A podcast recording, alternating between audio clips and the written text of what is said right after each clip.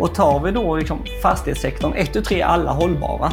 Alla är hållbara och så är inte fallet. Alla är inte hållbara. Det ligger i tiden att vara hållbar men för mig så är detta nästan som när man la till .com efter bolagsnamnet. Däremot så tror jag genuint att alla har en ambition om att bli hållbara. Och där tycker jag att det är mycket bättre att berätta att vi är inte hela vägen. Vi det är en viktig fråga, den är prioriterad och vi har liksom ett långsiktigt mål och vi arbetar med flertalet delmål för att ta oss dit. Han är kritisk till hur många företag i fastighetsbranschen hanterar frågan om hållbarhet. Och han menar att det pågår en abnorm greenwashing i fastighetsbranschen. Att många river gamla kåkar och bygger nya miljöcertifierade och menar att de är hållbara. Jakob Karlsson, han driver K-fastigheter.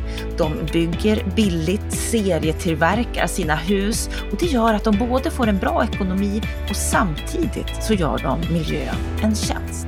Vad han menar med det här, hur de gör saker rätt, på vilket sätt de är hållbara, ja, det kommer han alldeles strax att berätta i samtalet här i Bopolpodden.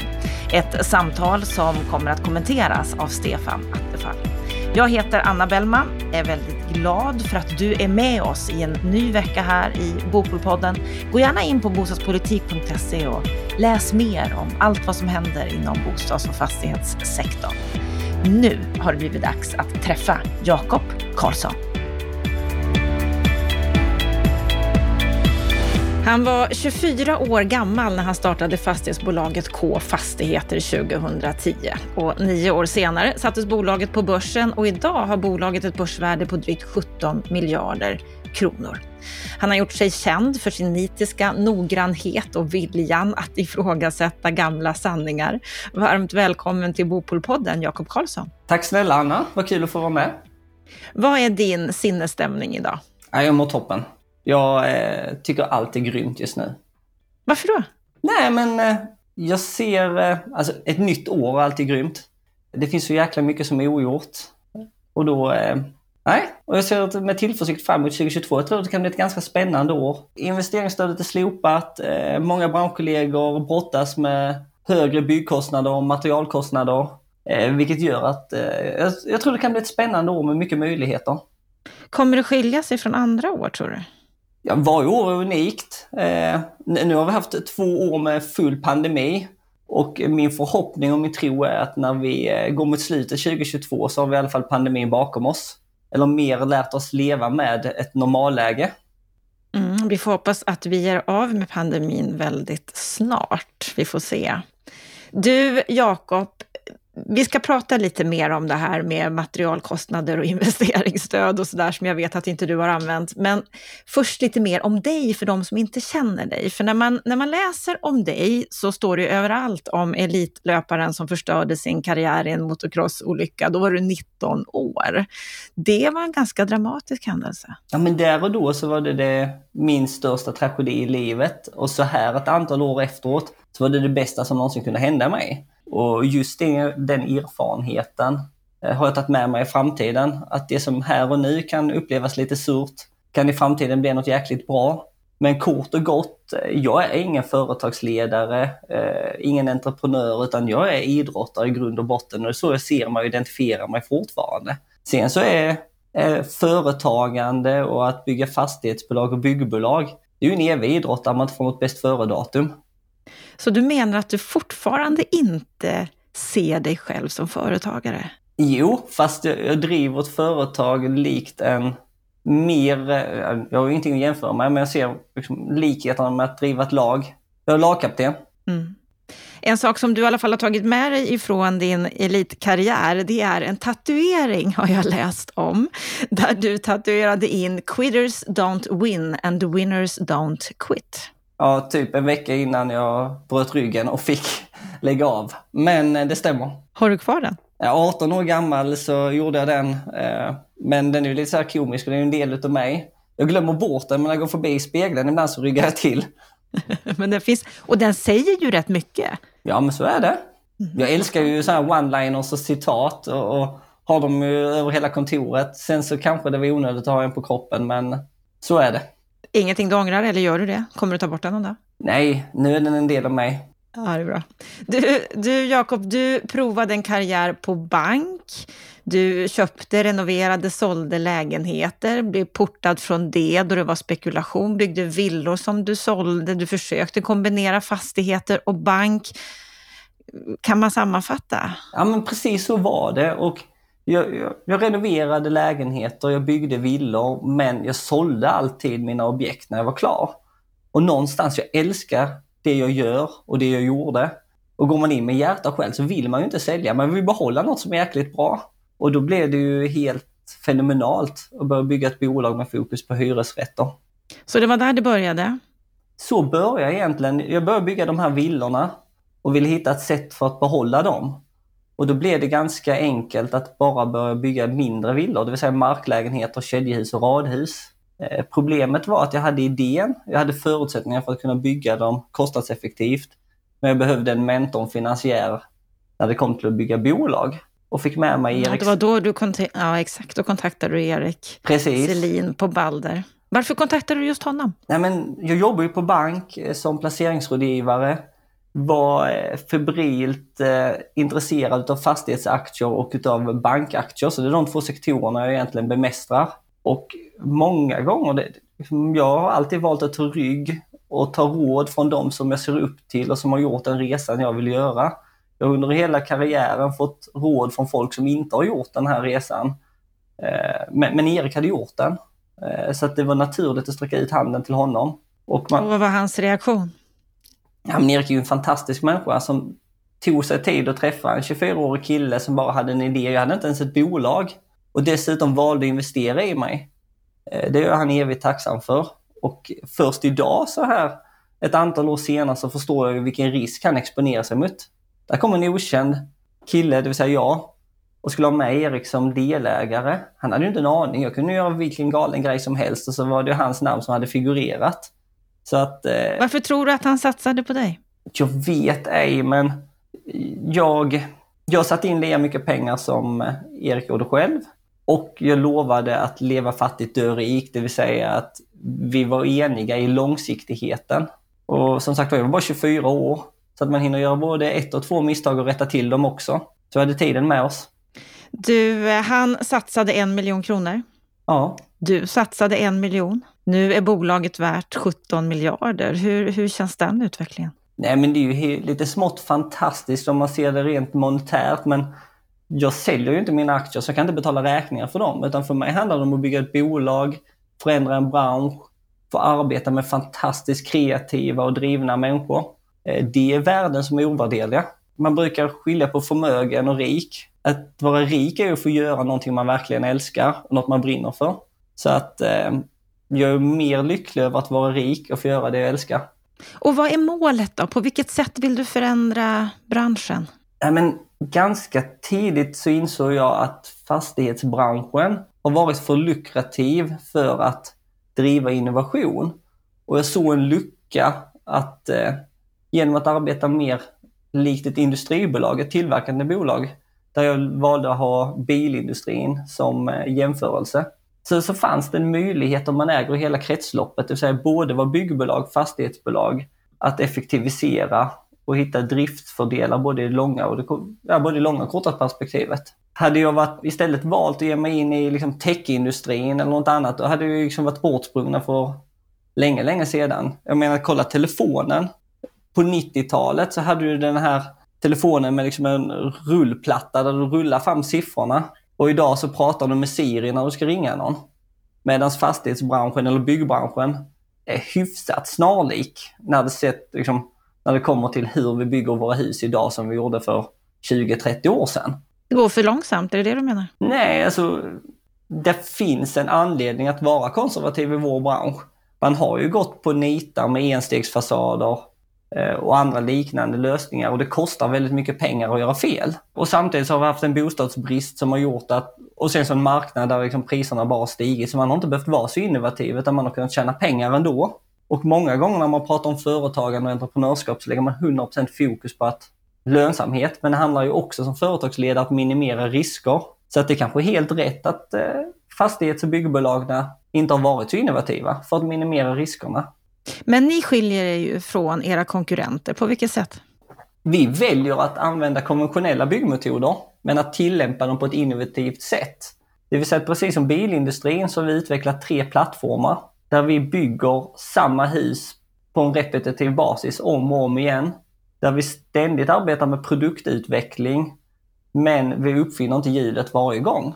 På så sätt så kan vi ta med oss feedback från våra hyresgäster, från producerande personal, från förvaltande personal, göra om och göra rätt och hela tiden förfina och effektivisera produkten. Det är en del i att vi är lite annorlunda. Tänk bilindustrin, där man bygger en bil på en plattform. Sen kan du ändå exteriört anpassa den med fälgar, med färg och med olika paket för att ändå få liksom en visuellt unik upplevelse. Och på samma sätt försöker vi arbeta, men på insidan är det alltid en copy-paste. Dels så får vi då produkter som vi vet hur de är konstruerade. Så blir det ett fel så kan vi mäta felet. Vi har alltid produkterna hemma på lager.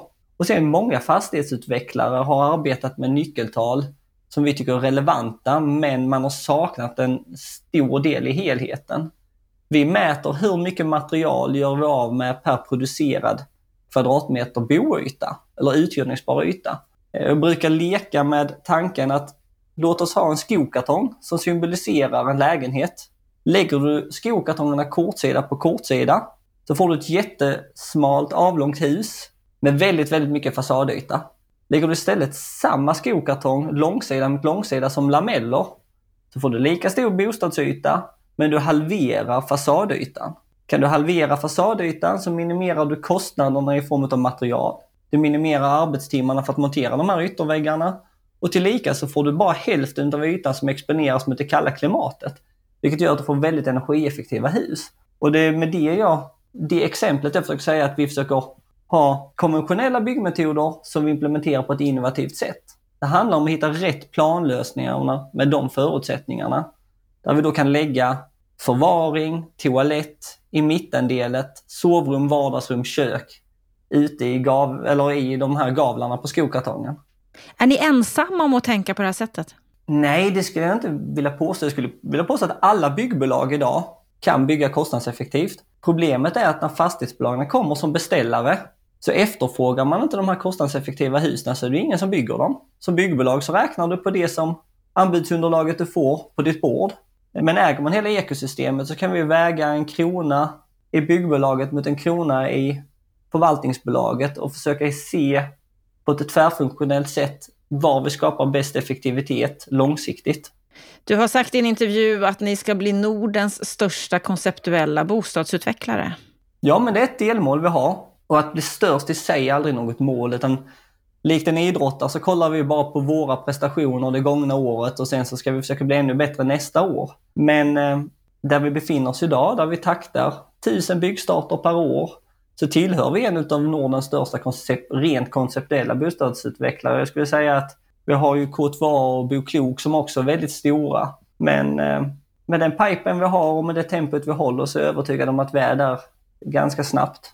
Du har också sagt en rolig, ett roligt citat tycker jag, det är att eh, istället för att bygga en Koenigsegg så bygger vi en serietillverkad bil med god säkerhet som ska passa allmänheten, en Volvo ja, helt enkelt. Ja, men exakt. Är det här en bostad för, för alla? Ja, men det är ju bara att titta. Eh, liksom, när vi har den ena stjärnarkitekten efter den andra så skapar vi unika objekt. Men majoriteten av de som bor i våra bostäder, det är folk med vanliga plånböcker. För att då dra parallellen till bilmarknaden. Så Volvo, Sveriges vanligaste bil tillsammans med liksom Volkswagen Passat. Och de står för säkerhet och trygghet. Och det är precis vad vi ska försöka ombesörja och leverera. En produkt för den breda massan, för personer med vanliga plånböcker och där vi kan erbjuda kvalitet, trygghet till en vettig peng. Och det är bara hyresrätter? Vi bygger bara hyresrätter och vi bygger bara till oss själva. Ni behåller allt? Ja. Vi, vi har tio fabriker idag där vi tillverkar väggelement. Där levererar vi väggelement även externt. Men vårt byggbolag bygger bara till oss själva. Och anledningen att vi levererar väggar externt är bara för att volymerna gör att vi kan få ner produktionskostnaderna och bibehålla en hög effektivitet som gynnar både externa kunder och oss själva internt. Du nämnde inledningsvis det här med byggmaterialkostnaderna som era konkurrenter tycker har varit jobbiga. Har det inte varit jobbigt för er? Det är klart att det är jobbigt, men utmaningar är ju till för att vi ska spänna bågen och bli ännu bättre. Vi har lyckats kapa vår produktionskostnad med 2% under 2021. Trots de här höga ja. materialkostnaderna? Eh, stål... Hur har ni gjort det? Ja, men stålpriser har gått upp, våra materialpriser har generellt sett gått upp. Däremot så har vi fått möta de prisuppgångarna med, med effektivitet helt enkelt och kreativa lösningar. Sen har vi turen att bygga majoriteten i betong. Vi ser träråvarupriserna skjuta i höjden. Men det är bara att vara ärlig, majoriteten i våra betongelement är sand, vatten och kalk. Som inte har blivit dyrare, utan det som har blivit dyrare, cement har blivit marginellt dyrare och stålen har blivit dyrare, men på totalen så står det för en väldigt liten del. Och hur ser du på den här strategin som väldigt många kommuner har och som fler och fler anammar, trähusstrategier. Vi ska satsa mer på trä av miljömässiga skäl. Ja, hur ser du på det? Ja, men jag, jag tror på trä som ett jättebra material. Eh, och jag brukar ha devisen att man ska ha rätt produkt på rätt plats. Utav våra tio fabriker så är ju två utav fabrikerna rena trähusfabriker. Eh, problemet med trä är ju att det är ett levande material. Hållfastheten på två till synes likadana brädor är inte densamma. Utan det finns en unikitet vilket gör att du måste alltid överdimensionera trä. I Norden så har vi ett klimat som är väldigt, väldigt torrt på vintern. Vi har en väldigt, väldigt hög luftfuktighet på sommaren. Och det här gör ju att det här rörliga materialet eh, faktiskt expanderar och drar ihop sig beroende på årstid. Och jag som långsiktig fastighetsägare kan inte i större husproduktioner säkerställa kvaliteten med liksom elastiska brandgasfogar etc. Sen många gånger så tittar man bara på liksom carbon footprint när man bygger huset. Men det vi också har med oss när vi pratar hållbarhet är att vi har ju hyresgäster som bor här. Förra året hade vi två hyresgäster vars akvarium gick sönder. Ena gången var det 100 liter som rann rakt ner i lägenheten. Andra gången var det 500 liter. När de här 500 literna letar sig ner i bjälklaget, ett träbjälklag, ja, då är det jag som fastighetsägare som ska säkerställa att vi kan torka upp bjälklaget och säkerställa att det inte finns någon fukt kvar i konstruktionen. Varje år har vi ett antal bränder i köksfläktar, helt ofarliga i sig. Men när brandkåren kommer och sprutar vatten så fyller vi konstruktionen. Det vill säga att det är inte bara att vi ska bygga huset på ett miljömässigt sätt, vi ska även kunna äga det och förvalta det långsiktigt. Betong har helt fantastiska egenskaper när det kommer till fukt och brand. Trä har helt andra egenskaper som också är fantastiska. Så att vi anser, rätt produkt på rätt sak, så vi bygger upp till tre våningar i 100% trä. Är det över tre våningar så har vi i de flesta fallen bärande stomme av betong, sen ett klimatskal, det vill säga utfackningsväggar av trä. Och när hela branschen egentligen från en natt till en annan ville byta fot och byta ut majoriteten av betongen mot trä, så sa vi att ja, betongen har så många fördelaktiga egenskaper så vår uppgift istället är att göra betongen miljömässig. Klarar ni det då? Här idag så är vi ett utav få bolag i Europa som kan leverera CO2-neutral prefabbetong. Så ja, det kan vi. Ja, för ni har er egen betongfabrik. Vi har åtta stycken betongfabriker. Och där vi kan tillsammans med viss eh, kompensation utav eh, köpa utsläppsrätter leverera CO2-neutrala väggar. Men per idag så, så ligger vi på väldigt låga CO2-utsläpp i förhållande till vår produktion. Vi köper 100% återvunnen stål i all armering. Och sen så köper vi då cement där man binder, i samband med att man utvinner cementen så binder man det, det frigjorda koldioxidet med kol. Och på så sätt så får vi verkligen ner CO2-avtrycket på våra betongelement. Cementa-krisen, har den påverkat er på något sätt? Ja, men det har den faktiskt gjort. Eh, jag var medveten om att vi satt i knät på Cementa. Men jag var inte fullt så medveten om att hela branschen satt i knät på Cementa.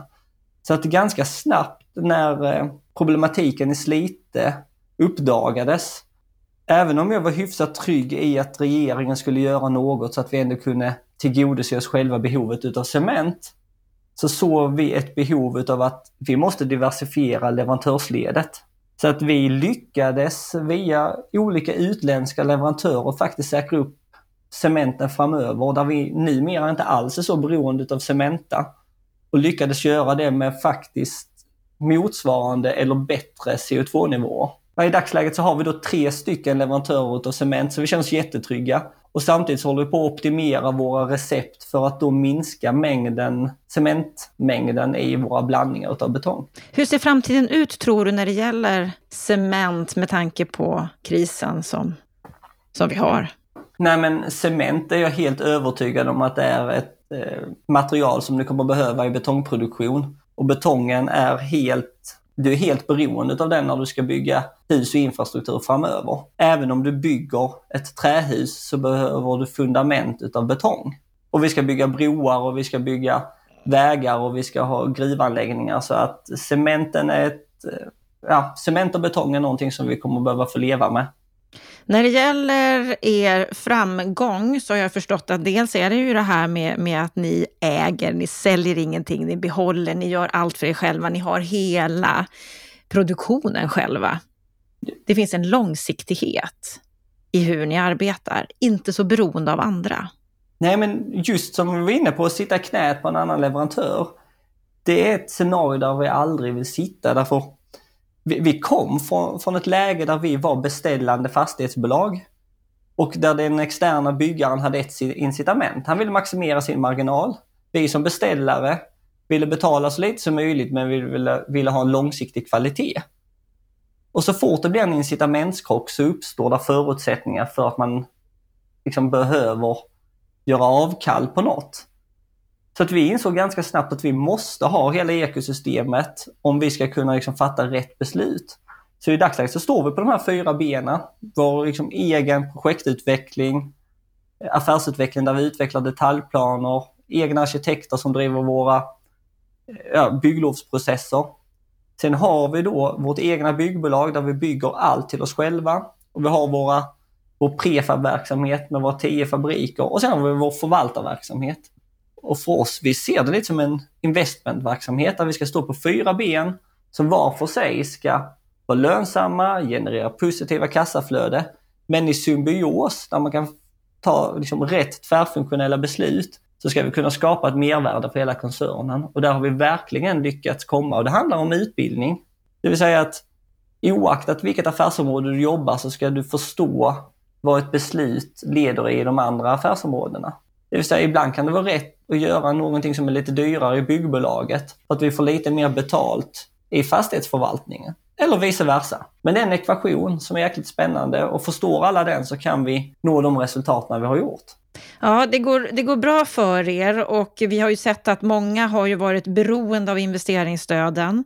Eller inte beroende kanske, men har i alla fall använt dem och på så vis kunnat öka sin, sin produktion och fått ner hyror och så vidare. Men ni har inte använt er av det. Varför inte då? Nej, det finns lite olika anledningar, men främst är det så att den produkten som investeringsstödet främjar, det vill säga små lägenheter där man ska ha lägenheter under 35 kvadrat för att främja eller för att få maximalt stöd. Det är inte produkter som vi tror på långsiktigt.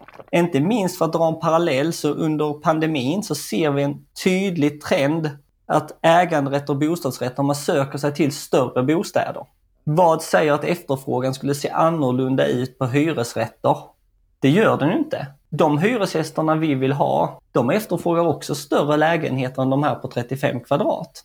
Det vill säga, ska vi maximera stödet, ja, då skulle vi ha haft smålägenheter. Ska vi maximera kundnöjdheten och det som faktiskt efterfrågar utav det segmentet hyresgäster vi riktar oss till, då är det större lägenheter. Sen är det en kostnadsfråga där vår uppgift blir att erbjuda något större lägenheter till en prislapp som känns komfortabel för vår tänkta målgrupp. Ja, vilken är er målgrupp? Vilka är det som bor i era lägenheter? Ja, om man säger, det man kan säga att de med 20% lägst inkomst i Sverige, de har ju väldigt svårt att ta sig in på bostadsmarknaden generellt sett.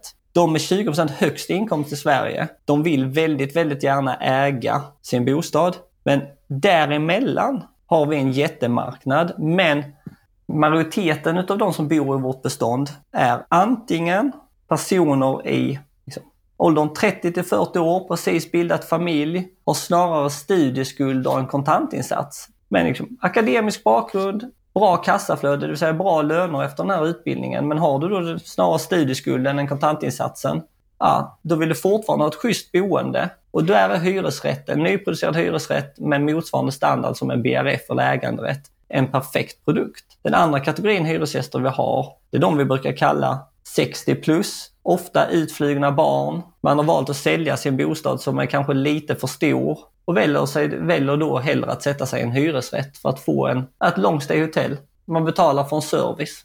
Och de två kategorierna utgör majoriteten utav våra, vårt kollektiv av hyresgäster och kunder.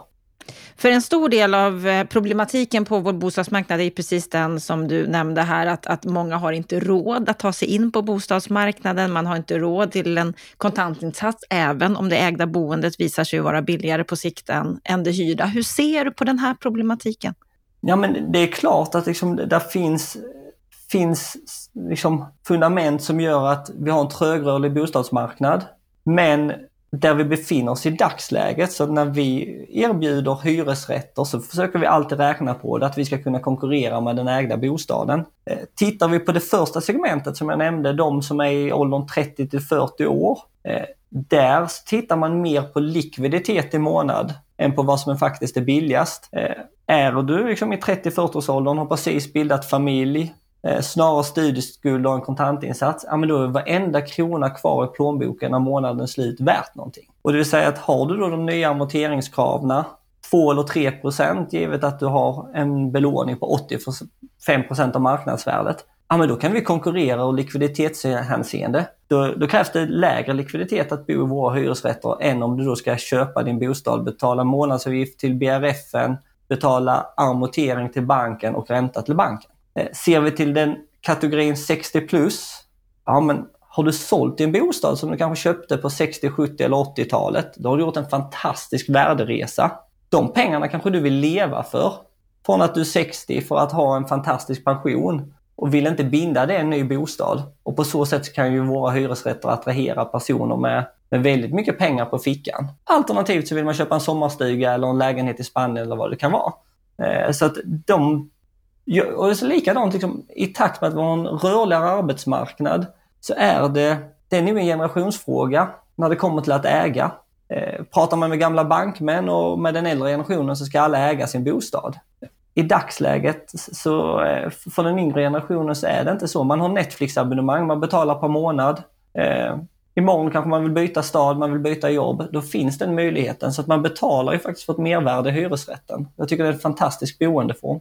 Om ni har det upplägget att ni kan erbjuda en, en bra bostad till en rimlig peng, finns tanken att gå ner i storlek och kunna erbjuda även ensamstående studenter eller vad det kan vara? Ja, men I vårt bestånd så har vi allt från enrummare till eh, femrummare. Så att det som är viktigt för oss, eller vår ambition, är att du ska kunna göra en bostadsresa inom vårt bestånd.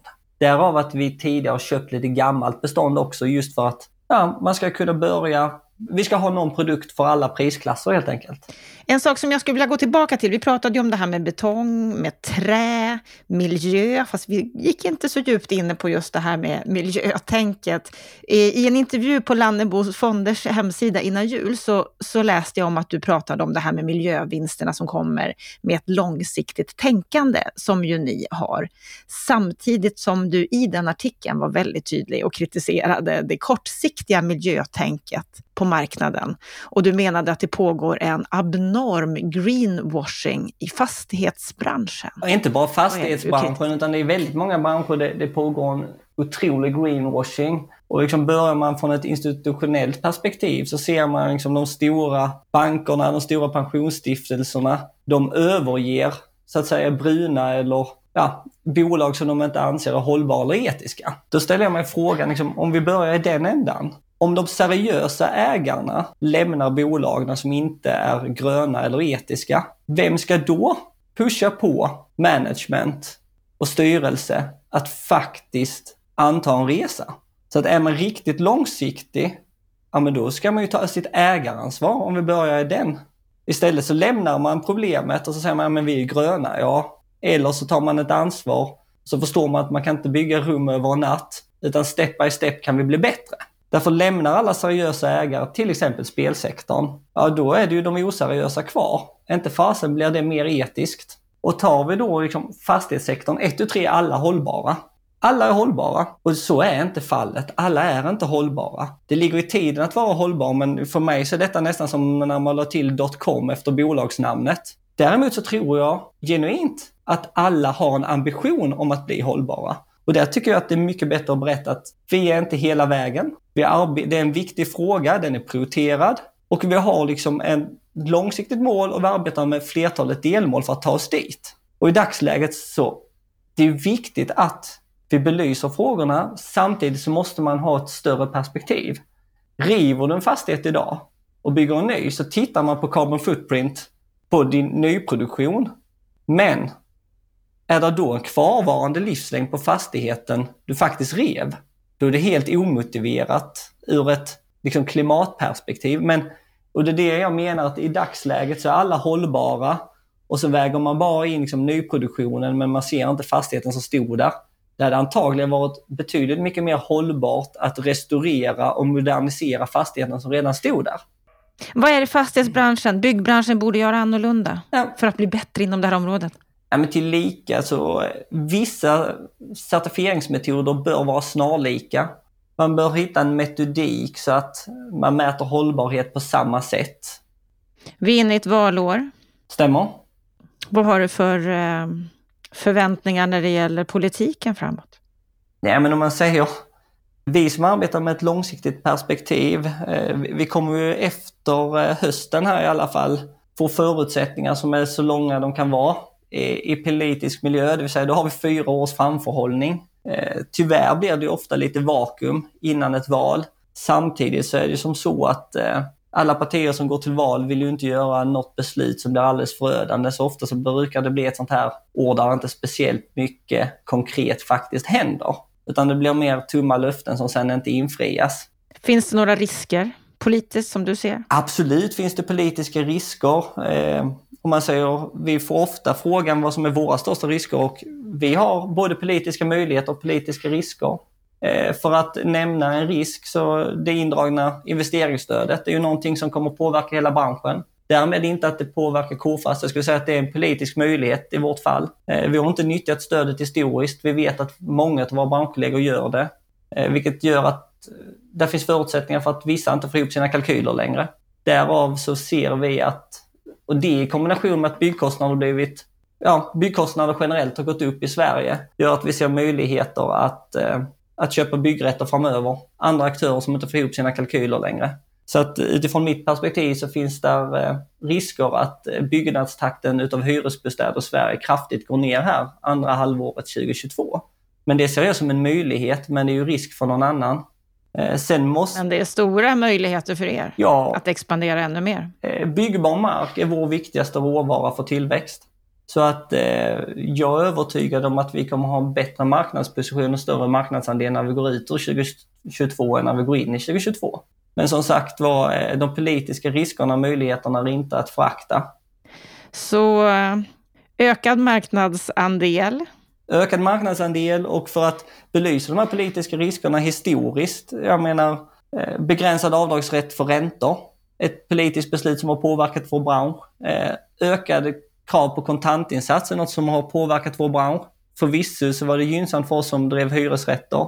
Eh, ökade amorteringskrav, också bra för oss som bygger hyresrätter. Men man får, det är inte att förakta att vi är exponerade mot politiker som vars beslut får stora effekter. Inte minst i Danmark just nu, där vi också är verksamma, så ligger det ett lagförslag på bordet som samtliga partier är positiva till. Att fastighetsbolag ska betala skatt på orealiserade värdeförändringar. Också beslut som kan få stora konsekvenser för de bolagen med exponering mot Danmark. Du verkar inte särskilt orolig. Nej. Eh, det roliga i det här spelet, detta är ju livets monopol vi spelar, det är ju att spelreglerna är samma för oss alla. Utan det gäller ju faktiskt att vara snabbrörlig, eh, dynamisk och eh, omvandla de här förutsättningarna till fördelar. Och det gör ju du, om vi får tro på din historia. Det är vår förhoppning att kunna göra det. ja. Stort lycka till framåt Jakob. Det här skulle vi kunna prata om ännu mycket längre, men nu ska vi få en eh, analys här av vår expertkommentator som får analysera det du har pratat om här. Stort lycka till framåt. Tack för att du gästade Bopolpodden. Tack själva, Anna. Jättekul att få vara med. Ha det gott! Tack detsamma.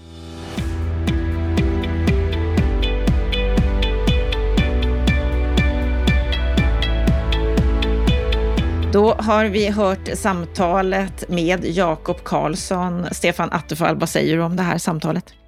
Ja, men det är väl en frisk fläkt i fastighets och byggbranschen. Jag tycker att det är heder åt, eh, åt Erik Selin som stöttade en sån här person med stark drivkraft och, och nya idéer. Och ehm, eh, er, uppenbart är ju att Jakob också haft en tuff resa med, sina, med sin skada som idrottare och så att han slog om på en ny väg. Men det verkar ha varit en ska säga, framgångsväg han hamnade på. Eh, jättekul att höra hans engagemang och iver och eh, ambitioner. Han säger ju att de ska bli Nordens största konceptuella bostadsutvecklare. Vad säger du om den ambitionen? Ja, också jätteintressant därför att jag tycker att han är på spåret för någon, på någonting som är väsentligt. Hur kan man utveckla eh, fastighetsbygg, bostadsproduktion och fastighetsförvaltning så att man får eh, ner kostnader och ska säga, standardisera olika moment utan att bli liksom, ska säga, stereotyp och, och likartad. Han säger också att fastighetsbranschen eh, har varit för lukrativ för att driva innovation. Jag tror att han är faktiskt någonting på spåren. När det är sån här högkonjunktur och det har gått bra för fastighetsbranschen, då blir man lite grann bekväm. Man rullar på, man, man, man gör sig bra pengar på det man alltid har gjort. Men eh, man behöver ha ett lagom mycket motstånd så att man både kan tro att det finns en långsiktighet, ingen kris, katastrof som väntar bakom eh, dörren. Men det är inte så att det går att tälja guld hur lätt som helst, man måste kämpa lite grann. Och jag tror att det är en viktig faktor. Det går för mycket upp och ner i, i fastighetsbranschen.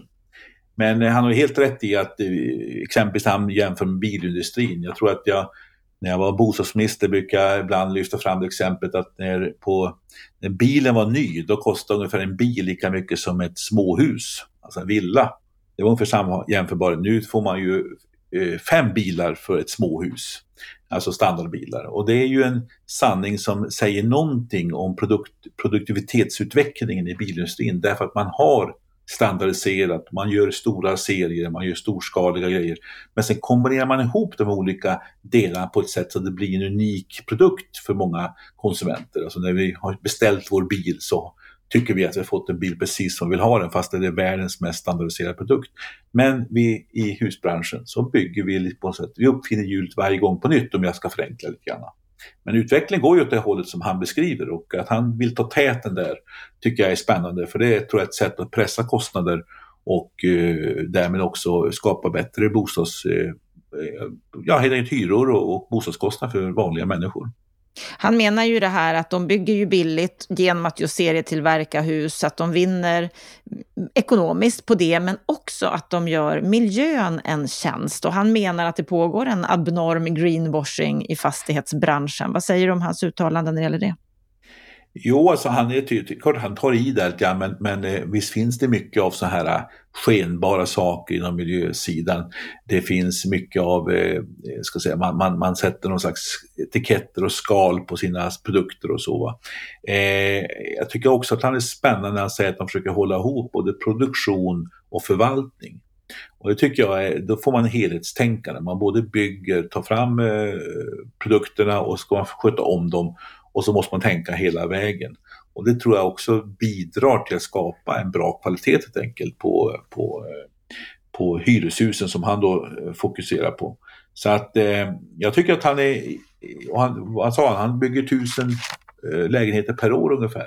Och det är en ganska hyfsad produktionstakt. Så att eh, han eh, bidrar till att både lösa bostadsbristen och skapa eh, hyresrätter som är till rimliga och prisvärda kostnader. Det här han pratar om när det gäller att bygga i trä kontra betong, vad säger du om det? Mm. Jag tycker han resonerar sunt där. Jag till och med som tycker att vi måste bygga mer i trä.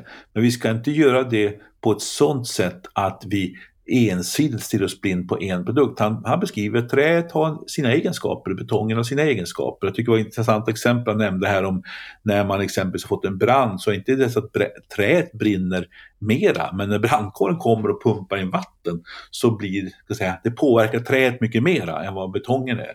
Och likaså man får exempelvis som man nämnde akvarier som, som läcker och sådana saker.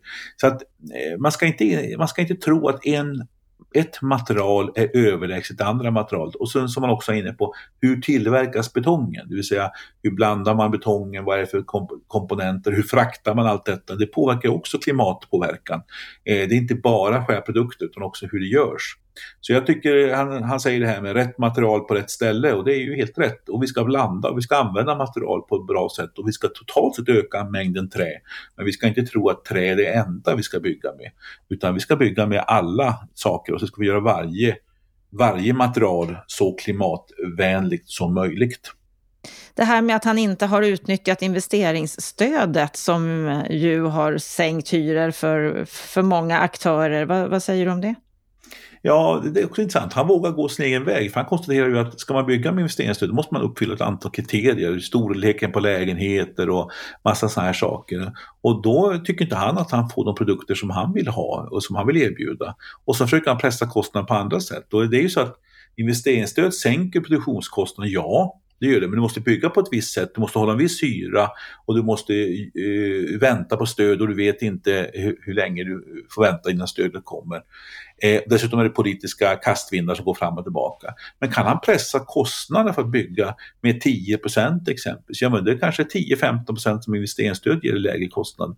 Så att eh, jag tror alltså att med att tänka rätt, bygga rätt så kan du uppnå mycket av de effekter man är ute efter. Men du gör det på ett sätt som han märker det finns efterfrågan på hos konsumenterna, hos hyrestagarna.